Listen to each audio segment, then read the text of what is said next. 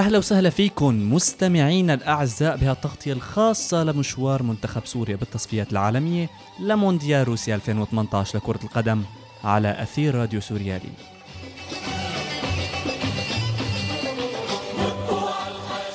خلال هالتغطية رح يتم تسليط الضوء على تفاصيل كتيرة منها رياضية ومنها على الأحداث الأخيرة اللي رافقت إنجاز التأهل على شاشات الإعلام السوري.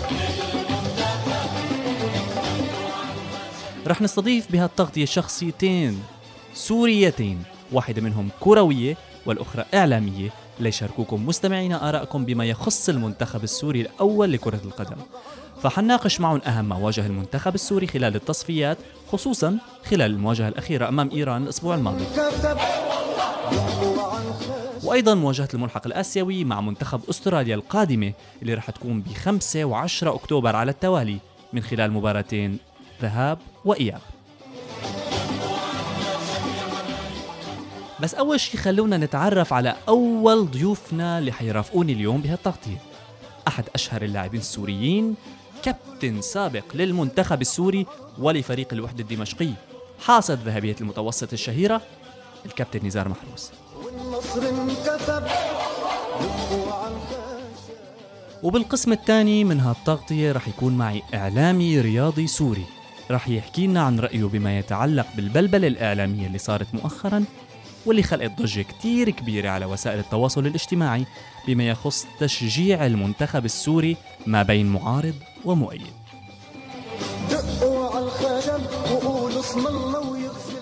ياسر حلاق رح يكون ضيف هالفقرة من تغطية اليوم. طبعا قبل ما نبدأ مستمعينا واجب علينا انه نخبركم أنه كان من المفروض اليوم يكون معنا لاعب من منتخب سوريا لكرة القدم كضيف معنا اليوم ولكن اعتذر لأسبابه الخاصة. طبعا بتمنى تتابعونا للآخر اليوم مستمعينا لتسمعوا المقابلات ولتعرفوا كل التفاصيل الفنية والغير فنية اللي بتخص منتخب سوريا الأول لكرة القدم ومثل ما الكل بيعرف أنه المنتخب السوري اليوم حقق إنجاز قد يكون هو الأول بتاريخ الكرة السورية بوصوله للملحق الآسيوي اللي حيواجه فيه منتخب أستراليا الشهر القادم ولحتى يحجز فيه نصف مقعد بالمونديال الروسي القادم. بس قبل كل هاد كيف صار هيك؟ وشلون وصل المنتخب السوري لهون؟ وشو يعني الملحق الآسيوي اللي يمكن كتار اليوم ما بيعرفوا تفاصيله؟ رح تلاقوا كل هالتفاصيل بالتقرير التالي. منتخب سوريا أو نسور قاسيون. كما يحلو لمشجعيه تسميته.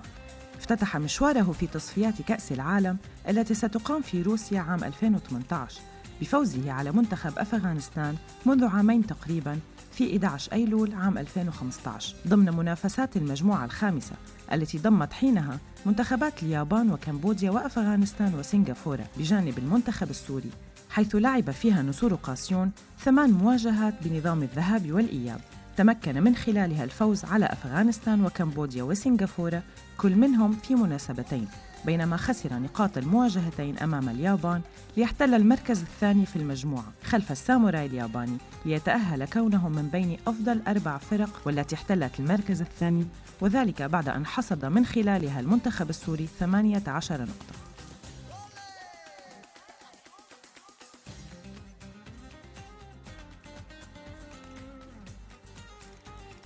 خلال التصفيات النهائية للمونديال الروسي والتي تقسم عادة لمجموعتين حسب النظام الآسيوي والذي أوقعت القرعة فيها منتخب سوريا في المجموعة الأولى بمواجهة إيران وأوزباكستان والصين وقطر وكوريا الجنوبية بنظام الذهاب والإياب.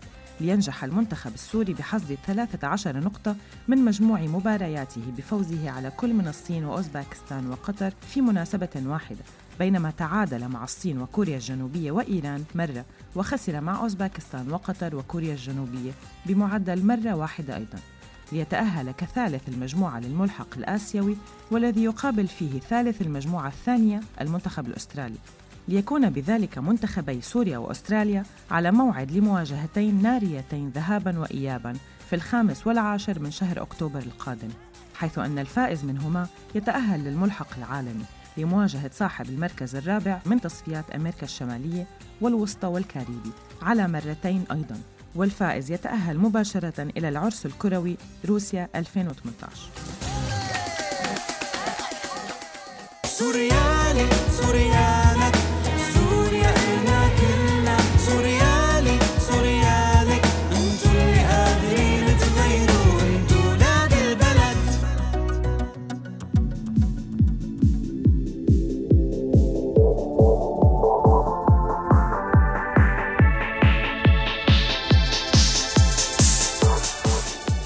نرجع لكم مستمعينا من بعد هذا التقرير لنرحب بأول ضيوفنا لليوم النجم السوري السابق الكابتن نزار محروس. أهلا وسهلا فيك كابتن على أثير راديو سوريالي ندخل للموضوع فورا كابتن وبعد ما استمعنا لهذا التقرير يعني كابتن قد كان آه، من الممكن للمنتخب السوري أن يوفر الكثير على نفسه. لو فاز على إيران في المباراة الماضية لكان قد تأهل مباشرة للمونديال باحتلاله المركز الثاني. لكن ما حصل؟ قد حصل.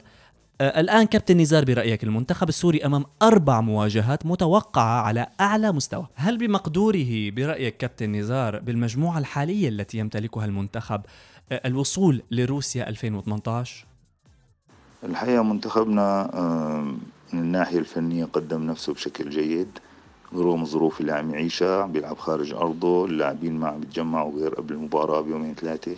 وهذا دل على شيء يدل على أنه في روح وتصميم وإرادة وتحدي للذات عند اللاعبين. أنه قدموا نفسهم بشكل جيد.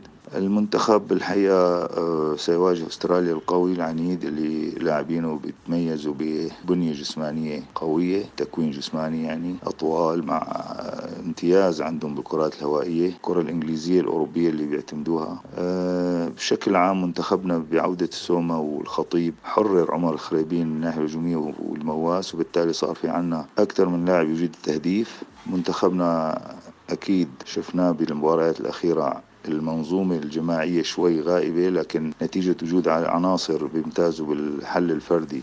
مكن المنتخب من تسجيل أهداف بأوقات حاسمة. يعيب على منتخبنا فقط هو المنظومة الدفاعية اللي شوي بحاجة إلى ترميم وتصحيح الأخطاء لكن بشكل عام منتخبنا يملك العناصر القادرة على الفوز على إسرائيل وخاصة في المباراة المفترض في ملعبنا. خروج بنتيجة إيجابية ممكن تؤدي إلى سيناريو قوي في مباراة العودة يمكن منتخب من اللعب مع منتخب الكونكاكاف. نعم. آه، كابتن نزار أكيد بتتذكر مباراة العراق بال 85 واللي ما حلف الحظ فيها منتخب سوريا بالوصول لأول مرة بتاريخه للمونديال. رغم امتلاكه كوكبة من اللاعبين المميزين وعلى رأسهم عبد القادر آه، كردغلي وكابتن نزار محروس ووليد أبو السل وغيرهم. كابتن بيخطر على بالك هاللقاء بالتأكيد وخصوصا بهي الأيام. وشو بتحس بس تتذكر هذا اللقاء؟ الحقيقة هي ذكرى رائعة مرحلة متقدمة عن المرحلة اللي حاليا منتخبنا. النظام كان مجموعات وبعدين ذهاب وإياب وبالتالي وصلنا نحن للمباراة النهائية. يعني اللي بيفوز نحن والعراق بيطلع دايركت مباشرة إلى كأس العالم. ما في ملحق أو تلعب مع فرق أمريكا اللاتينية وإلى آخره. وبالتالي الحقيقة كان شعور لا يوصف وبرضه كان في هبة جماهيرية غير طبيعية وكان في وقفة رائعة خلف منتخبنا وكان فعلا المنتخب بضم كوكبة من النجوم الرائعين اللي مثلوا بلدهم خير تمثيل. أكيد ذكرى حتضل آه، قائمة في وجداننا وفي حياتنا الكروية. كونه وصلنا لمرحلة يعني كنا قاب قوسين أدنى من آه، الصعود لكأس العالم في المكسيك اللي كانت عام 86 والجميع طبعا سواء في الدول العربية أو حتى الصحف العالمية وقتها أشادت بمنتخبنا. نأمل إن شاء الله منتخبنا الحالي إنه يتفوق ويظهر بشكل يأهله إنه يروح لكأس العالم.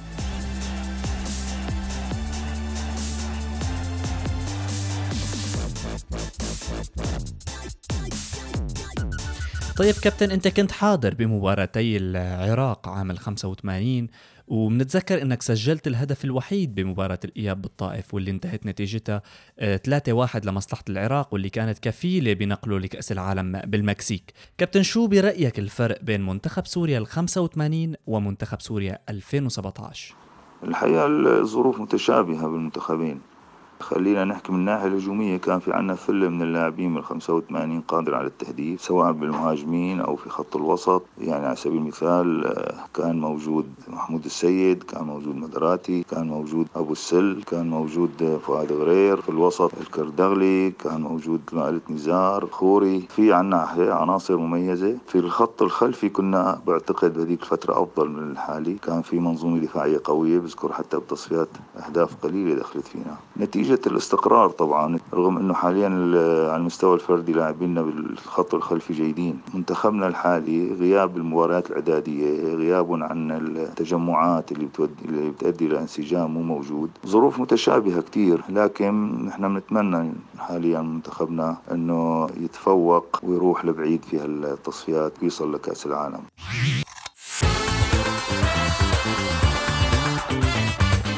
في تصفيات مونديال 2010 في ألمانيا خرج المنتخب السوري من المرحلة الثانية من التصفيات عندما احتل المركز الثالث خلف إيران والإمارات في المجموعة.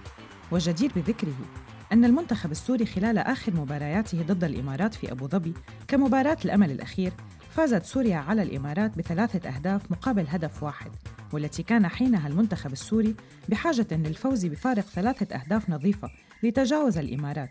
ويتأهل في مباراة رافقتها حادثة غريبة من نوعها بانقطاع التيار الكهربائي عن ملعب المباراة لأكثر من عشر دقائق في أبو ظبي مباشرة بعد تقدم المنتخب السوري بهدفين مقابل لا شيء لتخرج سوريا خالية الوفاض باحتلالها المركز الثالث. طب كابتن مثل ما بنعرف إنه الكرة السورية خلينا نقول إنه هي كرة متطورة بالآونة الأخيرة خصوصا بعد موجة احتراف اللاعبين السوريين بالخارج وتعملق بعضهم بدول الخليج. آه، كابتن من طول عمرنا بنعرف إنه الرياضة السورية كانت دوما تعاني إما من ضعف الإمكانيات أو من ضعف التخطيط. فكانت دوما تعتمد على ما نسميها بالطفرات. ابتداء من البطلة غدا شعاع مرورا بالكرامة 2006 إلى الوحدة والجيش والاتحاد في كأس الاتحاد الآسيوي. كابتن كيف فيك توصف لنا إنجاز الجيل الحالي؟ هل بتعتبره طفرة أم هو نتاج عمل طويل؟ لا هي في الحقيقة طفرة آه نكون منطقيين. والطفرة آه ما بتنجح برضو إلا إذا في عدة عوامل برضو تنجح الطفرة. يعني مثلا وجود كادر إداري جيد من اتحاد من لاعبين من إداريين. توجيد التعامل مع المواقف كادر جيد فني. وجود لاعبين مميزين. هي الأمور بتساعد على أنه تحقق الطفرة وخاصة إذا كان في إرادة وتصميم. لاعبينا اللي بنجح طفرتهم أيضا أنه بيلعبوا بدوريات عربية أهلتهم أنه يعاصروا تعاملوا مع أفضل المدربين وأفضل اللاعبين سواء العرب أو الجانب. وبالتالي الرهبة اللي كانت من زمان موجودة من هالفرق هي اللي بآسيا سواء العربية أو الآسيوية. التغت لأنه اللاعب صار يلعب بنفس دورياتهم. صرت تشوف لاعبنا مع المنتخب عم بيلعب بروح ما في رهبة انه بيقول لك هذا عم بيلعب معه بالدوري. وبالتالي هي ساعدتنا للحقيقة في تحقيق هذه الطفرة. قلت لك إضافة لوجود عناصر مميزين. عدم لعبنا على أرضنا سلاح ذو حدين. يعني اللعب على أرضك أكيد هو سلاح قوي لكن البعد عن أيضا الجماهير وضغط الجماهير أحيانا بيولد عند البعض راحة نفسية أن تلعب بدون جمهور. قلت لك سلاح ذو حدين. وبالتالي ضغوط النفسية بعيدة شوي عن لعيبتنا وهذا ساعدهم على تقديم نفسهم بشكل مريح وجيد بالظروف اللي عم نعيشها. لذلك نحن دائما منتخباتنا بالسابق كان في نوعا ما بعض التخطيط اللي بس كان ينقصوا المقومات اللي تواكب التطور اللعبة. حاليا نفس الشيء لكن نحن الشيء المحيط فينا حاليا بالإضافة اللي عم نشوفه هو طفرة. نتمنى هي الطفرة تكون سعيدة بالنهاية وما زالت سعيدة حتى الآن على المستوى الفني.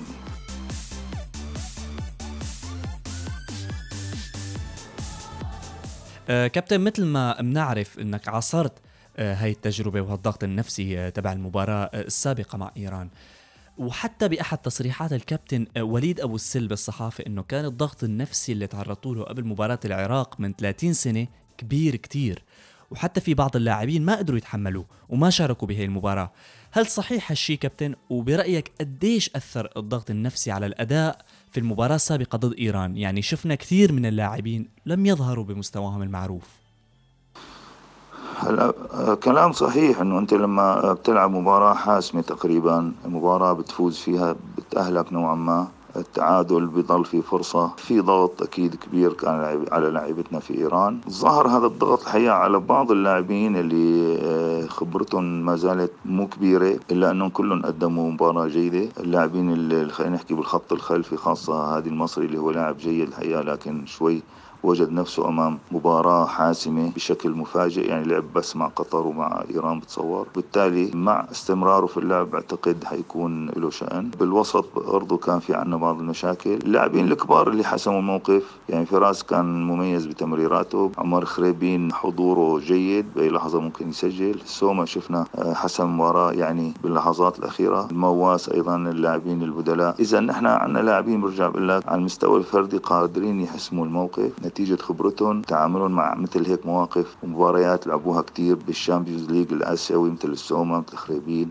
فراس وبالتالي هدول ما عندهم مشكلة بيواجهوا أي جمهور. حتى الأغلبية أحمد الصالح برضو اللي عم يلعب بالصين حاليا لاعب مميز بالدفاع عالمي ما شاء الله عليه. عجان ما شاء الله ظهير عصري يعني ترفع له القبعة. الشلبي مقاتل. يعني كل اللاعبين تامر الحاج يعني زار ميداني عنده خبرة بالقوة الجوية. يعني الحقيقة لعبتنا كلهم مميزين حتى اللي على الدكة. اللي بدي أقوله إنه نحن بأيام المباراة الحاسمة مع العراق كان في ضغط بتصور أكثر لأنه نحن لعبنا على أرضنا بالشام تعادلنا كان فريق العراق وقتها مميز جدا 86 كان مقدم له دعم من كل الدول. في هذيك الفترة كان ممنوع يلعب على أرضه. وفعلا في بعض اللاعبين نحن غابوا عن اللقاء الحاسم اللي صار بالطائف بسكور. كانت مباراة الحقيقة تحت ضغط كبير وتأهل العراق ووقتها وكان بيستحق وبرضه كنا نحن بنستحق لكن هي كرة القدم. ضغط نفسي أكيد تلعب دور بس مثل ما قلت لك مع الخبرة مع كثرة المباريات هي الرهبة بتزول. رضوان صلحها وبيعطيها حلوة كثير لنزار. نزار. نزار. نزار. نزار. لغرير بدخل فيها للنص غرير. غرير باثنين لاعبين بدخل بالثالثة كمان. بيعطيها كمان بده يصلحها كف ثلاث لاعبين. حتاخذ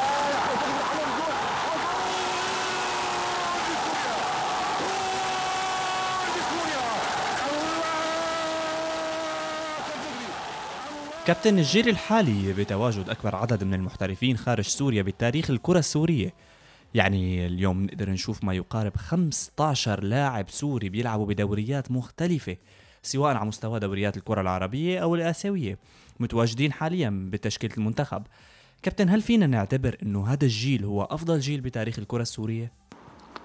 الحقيقة ما في شك هذا الجيل من أميز الأجيال اللي مروا على الكرة السورية لكن ما فينا نظلم ونقول أنه هذا هو الأفضل على الإطلاق لأنه في أجيال برضه كانت في الستينات والسبعينات مميزة جدا فكان في لاعبين يضرب فيها المثل لكن التكنولوجيا ما كانت موجودة اللاعب ما كان يبرز ما كان يلعب خارج سوريا يعني لا بنحسن نقول جيلنا أفضل ولا هذا الجيل أفضل ولا الجيل هذاك أفضل كان في أجيال مميزة كان كل فترة كل عشر سنين يمر جيل مميز هذا الجيل من أجيال مميزة جدا. آه قلت لك الظروف ساعدتهم عم بيلعبوا بدوريات كبيرة وبالتالي نحن فرضا أيامنا ما كان مسموح للاعب يطلع يحترف. كان يجينا عقود كتير بذكر ما كنا نحترف يعني حتى لأوروبا بذكر أبو السل إجا لتركيا إجانا لدول عربية. ما آخر أيامنا نحن بعد المتوسط سمحوا لنا نطلع. طلعت بذكر أنا وبعض اللاعبين أبو السل وجورج وحسين ديب على عمان. وبعدين يعني كانت آخر أيامنا صراحة. لكن ما كان يسمحوا لنا نحترف لذلك كان اللاعب غير معروف كتير إلا بالدول المجاورة. بينما حاليا اللاعب انشهر أكثر صار الدول العربية أو الدوري اللي بيلعب فيه له شهرة كبيرة عداك عن شهرته ببلده بالدول الثانية. وبالتالي صار سمعته أكبر نتيجة الظروف اللي أتيحت إلى هذا الجيل المميز أكيد. أه كابتن شو أثرت الظروف الحالية التي مرت فيها سوريا؟ الظروف السيئة للغاية. كيف أثرت على كرة القدم السورية؟ شفنا هجرة كبيرة للاعب السوري للخارج. هل برأيك كابتن على مقولة رب ضارة نافعة؟ يعني هالشيء أثر إيجابا على مستوى اللاعب السوري؟ تماما. يعني أنت مثل ما تفضلت رب ضارة نافعة أكيد والشدة بتعمل رجال مثل ما بيقولوا. الشدة هي أكيد عملت آه، لاعبين مميزين. اللاعب صار عنده طموح عالي إنه يطلع ويقدم نفسه ويشوفه عنده إرادة بده يساعد نفسه يساعد أهله. وبالتالي صار اللاعب السوري مطلوب لأنه هو بالأساس اللاعب السوري يتميز بالكفاءة الفردية يتميز بالروح. بالالتزام والانضباط وحب المهنة. لذلك الشيء اللي صار عنا أكيد إجت فوائده إيجابية على المنتخبات. بالتالي بدأنا نشوف اللاعب السوري حاليا مطلوب في كل مكان حتى في مصر في الآونة الأخيرة. سمحوا لاثنين لكل نادي من الأندية المصرية أنه يسجلوا لاعبين سوريين ويعاملوهم كمعاملة اللاعب المحلي. كانت خطوة إيجابية وهذا بدل على أنه نعم. اللاعب السوري فرض نفسه في الست سنوات الأخيرة. نعم. آه، كابتن باعتبارك آه، دخلت عالم التدريب وصار عندك أرقام وبطولات آه، بكونك دربت منتخب سوريا من قبل وحاليا أنت مدرب لنادي الجزيرة الأردني. شو الفرق كابتن بين أفاديس مدرب المنتخب السوري قبل 30 سنة والكابتن أيمن حكيم اليوم؟ الحقيقة المقارنة شوي من الناحية خلينا نحكي الإدارية أو الناحية اللوجستية شوي مغايرة. ليش؟ لأنه أيام ال 85 كان المنتخب جله من عناصر فريق الجيش اللي كان مستقر وهو ضم خيرة لاعبة سوريا وكانوا يتدربوا بشكل يومي صباحا ومساء وبالتالي كان في منظومة عمل واضحة بذاك الوقت. واستعانوا أفاديس وقتها استعانوا فيه كمدرب وطني لكن كان معه كادر كبير وكان معه مدرب روسي كان معنا بذكر فاليري. بالإضافة قبله كان أنا الأناتولي بالمتوسط اللي أسس برأيي هو لنهضة الكرة السورية بالمتوسط وكان آه، مميز آه، وقت أناتولي يجب أن نذكره. حاليا منتخب تجميع يعني بظروف صعبة أنت ملاحظ كثير مدربين ما رضوا يجازفوا أنه يستلموا منتخب ما في معسكرات ما في آه، يعني رؤية واضحة للعمل الناحية الفنية. اللاعبين بالأخير اللي جابوهم يعني ما جابوهم من البداية رغم أنه بعض المدربين قالوا لازم تجيبوهم الحقيقة هون كابتن أيمن دخل هاي المجازفة المجازفة نجح بتقديم نفسه بشكل جيد. مثل ما حكينا اللاعبين ساعدوه هو ساعدهم وبالتالي العمل هون عم بيكون بشكل تجميعي. المنظومة بدها شغل كتير. نتيجة مثل ما حكينا غياب الاستقرار غياب الانسجام اللي ما عم بيتكون إلا من خلال هاي المباريات بدون مباريات إعدادية. آه، وجود كادر وجود الأخ فايد دباس عم يقدم شيء جيد معهم. اتحاد كرة برضه سهل الأمور لكن برجع بقول لك يعني الإرادة والتصميم هي عنوان هي المرحلة أكثر من الناحية الفنية.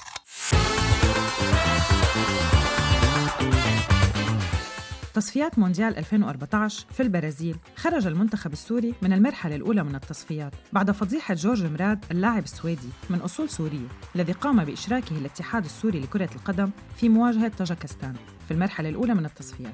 فاتخذ الاتحاد الدولي حينها قرار بحرمان المنتخب السوري من استكمال التصفيات بحجة أن اللاعب سبق ومثل المنتخب السويدي في أحد المناسبات الدولية. ليخرج المنتخب السوري حينها خالي الوفاض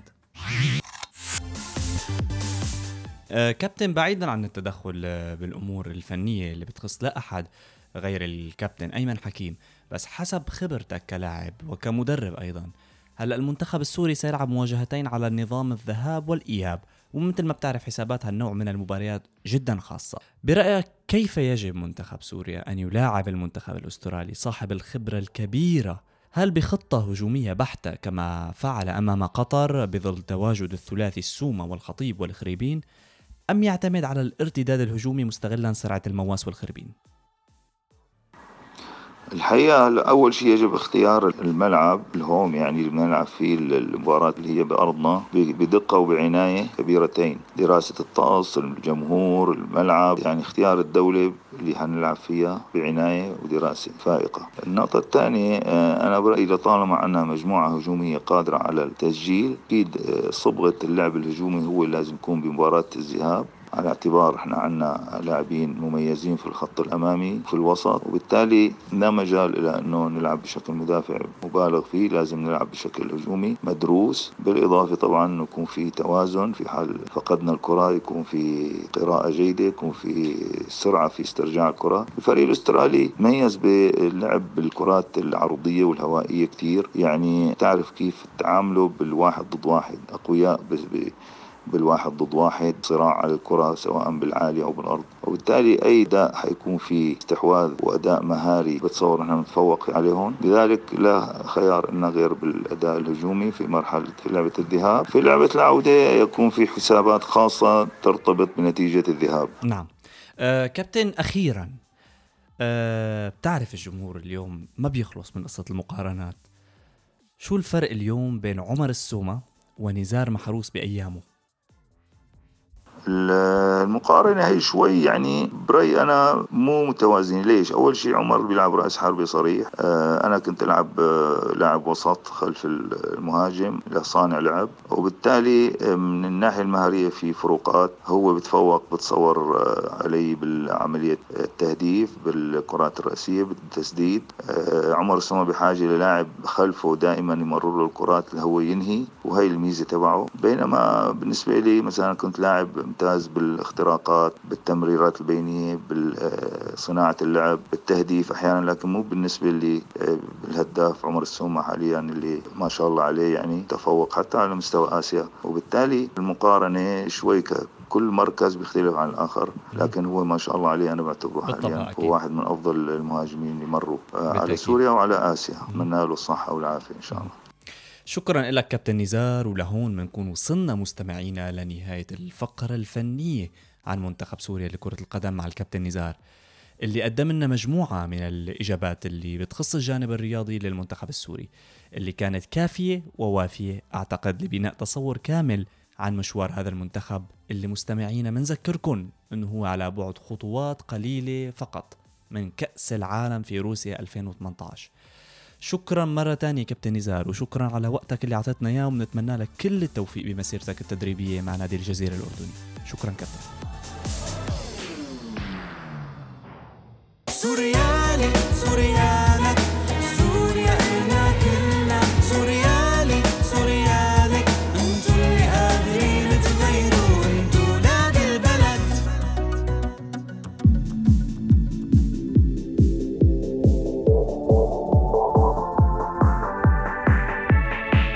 وهلا مستمعينا بنكون وصلنا للقسم الثاني من تغطيتنا لليوم وراح يرافقني فيها الأستاذ ياسر حلاق الإعلامي الرياضي السوري.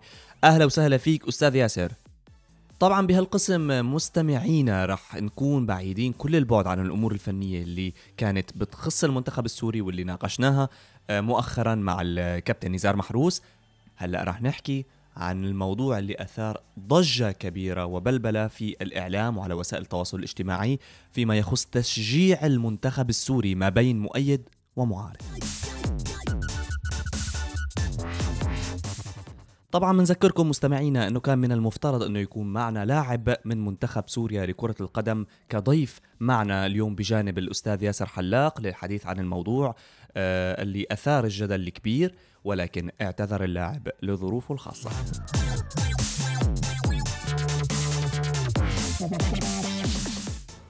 وبنبدا مع الأستاذ ياسر حلاق. آه، أستاذ ياسر جدل كبير حصل مؤخرا بما يتعلق بالمنتخب السوري لكرة القدم ما بين معارض لتشجيع هذا المنتخب وما بين مؤيد. فالرياضة قد تكون السبيل الوحيد لتوحيد الصفوف آه، ولو حتى مؤقتا حسب قول الكثيرين. هنالك أيضا من قال بأنه يجب فصل الرياضة عن السياسة خصوصا في الوقت الحالي بما أن المنتخب السوري على بعد إنجاز تاريخي. ما رأيك؟ أه، كلنا نتمنى بالفعل أن أن تقوم أو تكون الرياضة أه، فرصة لتجميع السوريين توحيد رؤيتهم توحيد صفوفهم. لكن للأسف الشديد يعني هذا الموضوع في سوريا ضمن المنظومة الحاكمة القائمة حاليا مستحيل تماما بل تستغل بشكل سلبي تستغل بشكل بشع جدا لصالح حرب نظام بشار الأسد على الشعب السوري. آه هذا الموضوع ربما نعم لو كان في ضمن خلاف سياسي في البلد لكنا تقبلناه يعني من الممكن أن يكون هناك خلاف معارضة تحتدم الأمور مظاهرات في الشارع. لكن الموضوع آه، أصبح هناك حرب هناك ثورة. يعني الموضوع لا يمكن ابدا قبوله على أن يكون ما يحدث في أو أو آه، أي ماتش رياضي أو أي حدث رياضي آه، نتقبل أن يكون هذا الفريق يمثل الشريحة السوريين جميعا جميع شرائح السوريين. هو يمثل شريحة واحدة. والدليل على ذلك التصريحات التي سمعناها من اللاعبين والتي تشكر قيادة النظام السوري بشار الأسد والجيش السوري. وربما الجيش الصيني والروسي والى آخره. منتخب سوريا تاريخيا لم يفرح جماهيره مثل فرحة اليوم أستاذ ياسر، وقد يشعر السوريون الآن بالفخر بعدما أصبحوا يمتلكون منتخب قوي يضم نجوم متألقين على أعلى مستوى. هنالك الكثيرين كما لاحظنا لم يستطيعوا السيطرة على عواطفهم أثناء مشاهدة المباراة رغم توجهاتهم السياسية أحيانا المعارضة أليس من حق السوري المعارض أيضا أن يتابع مبارياته ويفرح بانتصار منتخب بلده خصوصا أن الكثيرين الآن بصدد البحث عن الوطن في أي شيء؟ ومنهم من أرأوا أن كرة القدم كمنافسة رياضية شريفة هي أقرب مثال لتمثل مفهوم الوطن عندهم. أنا أدرك تماما حقيقة مشاعر آه، هذا القسم من آه، المعارضة أو دعنا نقول الثوار الذين هم فعلا يعني مع آه، الثورة السورية بكل تفاصيلها.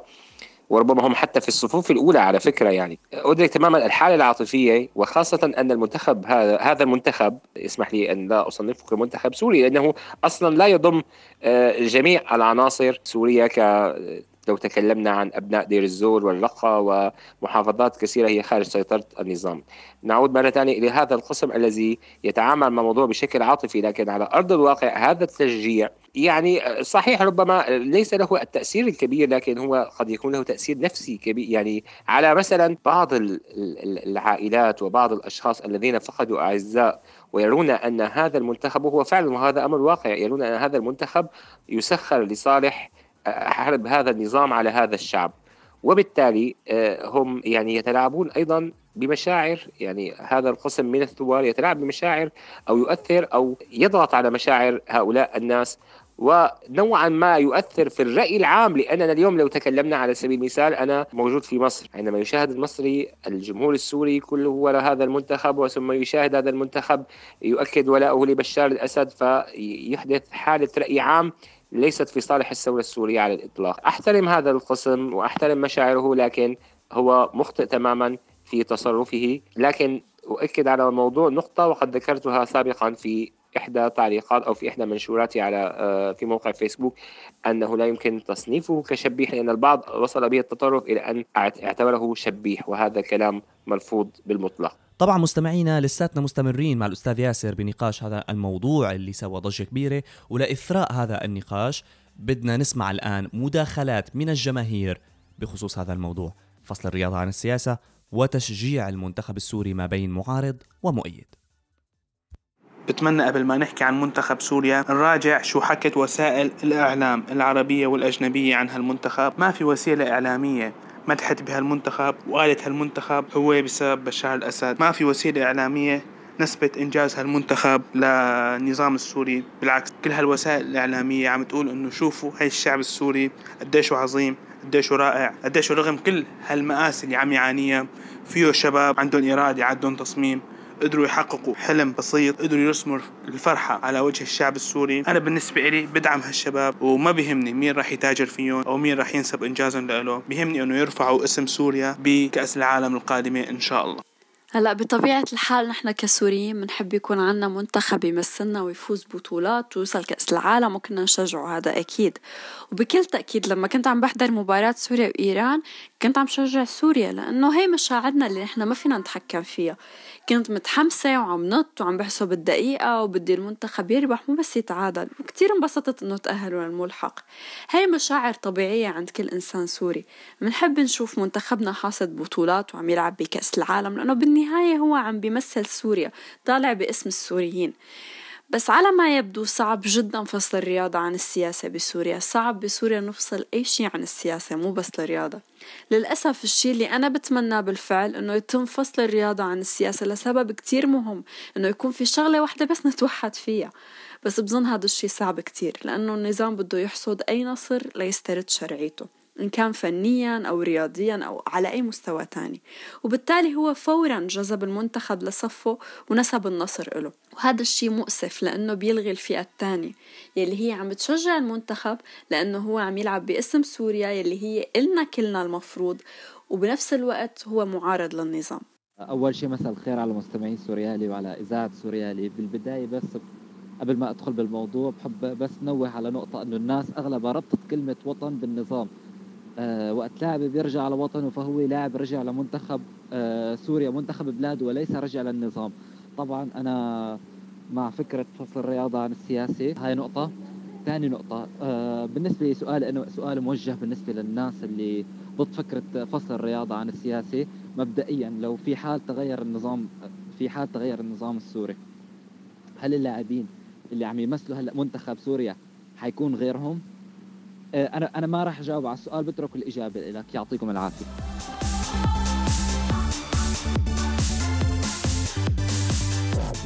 بعد ما استمعنا لآراء الجماهير بخصوص الموضوع بنرجع على ضيف الحلقة اليوم معنا الأستاذ ياسر حلاق الإعلامي الرياضي السوري. أستاذ ياسر ألا تروا كونكم رياضيون سوريون ذو توجهات معارضة بأنكم هكذا تساعدون هؤلاء من يحاولون أن يسيسوا هذا الإنجاز حسب قولكم من خلال عدم دفاعكم عن مبدأ أن هذا منتخب كل السوريين؟ ألا ترى أستاذ ياسر بأن من الأحرى لكم أن تصروا على تكريس فكرة الدفاع عن ملكية الشعب لهذا المنتخب بدلا من التخلي عنه؟ لو كان ذلك صحيحا بالتأكيد لدعمنا هذا المنتخب لكن على أرض الواقع الموضوع عكس ذلك تماما. آه، آه، النظام يستغل هذا المنتخب آه، بشكل يحقق الدعاية المطلوبة في حربه على هذا الشعب. أي دعم لهذا المنتخب؟ مع هذا يعني يصب في أننا ندعم هذه الدعاية ونساعده في تأكيدها وترسيخها. وهذا أمر طبعا لا يصب أبدا في صالح الثورة السورية. هناك تأثير واضح آه، أو محاولة من النظام للتأثير بشكل واضح على الرأي العام حتى العالمي من خلال إظهار أن الأمور طبيعية يعني سابقا معرض دمشق الدولي والآن نتحدث عن منتخب وأن الأمور في سوريا بخير وأن كل شيء تماما في ظل هذه المنظومة الحاكمة التي استطاعت أن تواجه الإرهاب السلفي والتكفيري الوهابي الإسرائيلي الإمبريالي نعم. أه، أستاذ ياسر ألا تعتقد أه، أه، كما يقول البعض بأن اللاعبون مغلوب على أمرهم فهم رياضيون ولاعبي كرة قدم وأنهم لا شيء أكثر من ذلك. بالإضافة إلى أن هذه اللعبة هي مصدر رزقهم الوحيد. ناهيك عما قال بأنهم كانوا داخل سوريا عندما قاموا بتلك التصريحات الإعلامية والتي استفزت شريحة من السوريين وبالأخص المعارضين.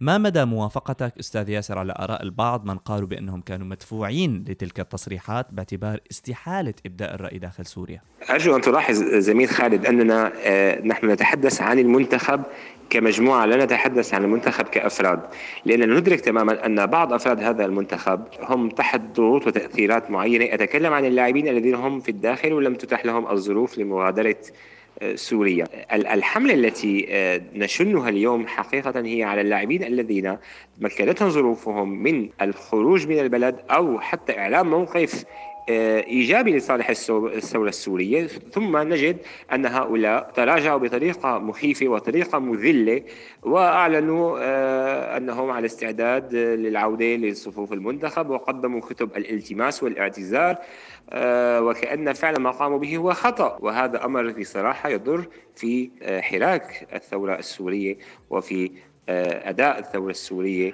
ونعم يؤثر حتى على نجاح الثورة السورية لأن هؤلاء نجوم يعني آه، هم لهم شعبيتهم لهم آه، مؤيديهم لهم أنصارهم. وبالتالي هذا عامل سلبي جدا هو ما اعترض عليه. أما البقية التي ندرك أن غالبيتها غالبيتها مؤيدة للثورة السورية ولكن بصمت فنحن لم نت يعني يعني نتطاول عليها بأي حرف حتى لم أشاهد أحد يتكلم عن لاعب معين أو يقوم بشتمه إنما تحدثوا نعم بقسوة باتجاه اللاعبين الذين أعلنوا موقف ما ثم تراجعوا عنه. وهذا أمر أصلا في كل المقاييس يعني حتى لو كان أحد الأشخاص مؤيد للنظام ثم يعني انقلب إلى اتجاه آخر هذا شخص ربما يعني يعني غير إيجابي شخص سلبي لأن الثبات على المبدأ أمر جدا مهم وجدا مميز. نعم. أه، أشكرك أستاذ ياسر حلاق أه، الإعلامي الرياضي السوري المعارض على إضافتك أه، للتغطية الخاصة بالمنتخب السوري لكرة القدم. والشكر موصول أيضا للكابتن نزار محروس الذي رافقنا خلال الفقرة الفنية المتعلقة بالمنتخب. وننوه لمستمعينا مرة أخرى قبل الختام. بأنه كان من المفترض أن يكون معنا اليوم لاعب من منتخب سوريا لكرة القدم كضيف لكنه لم يلبي الدعوة لظروف خاصة باللاعب لم يتم الإفصاح عنها. عموما مستمعينا إلى هنا نكون قد وصلنا لنهاية تغطيتنا الخاصة بمشوار منتخب سوريا لكرة القدم بالتصفيات المونديالية. ومنذكركم بأن المنتخب السوري حيلاقي منتخب أستراليا ضمن الملحق الآسيوي المؤهل للملحق العالمي يومي 5 و10 أكتوبر. نشكر ضيوفنا مرة تانية وبنشكركم مستمعينا. كان معكم بهي التغطية الخاصة خالد الشريف. سلام. جول جول فيها جول جول لسوريا جول جول جول فيها جول جول لسوريا جول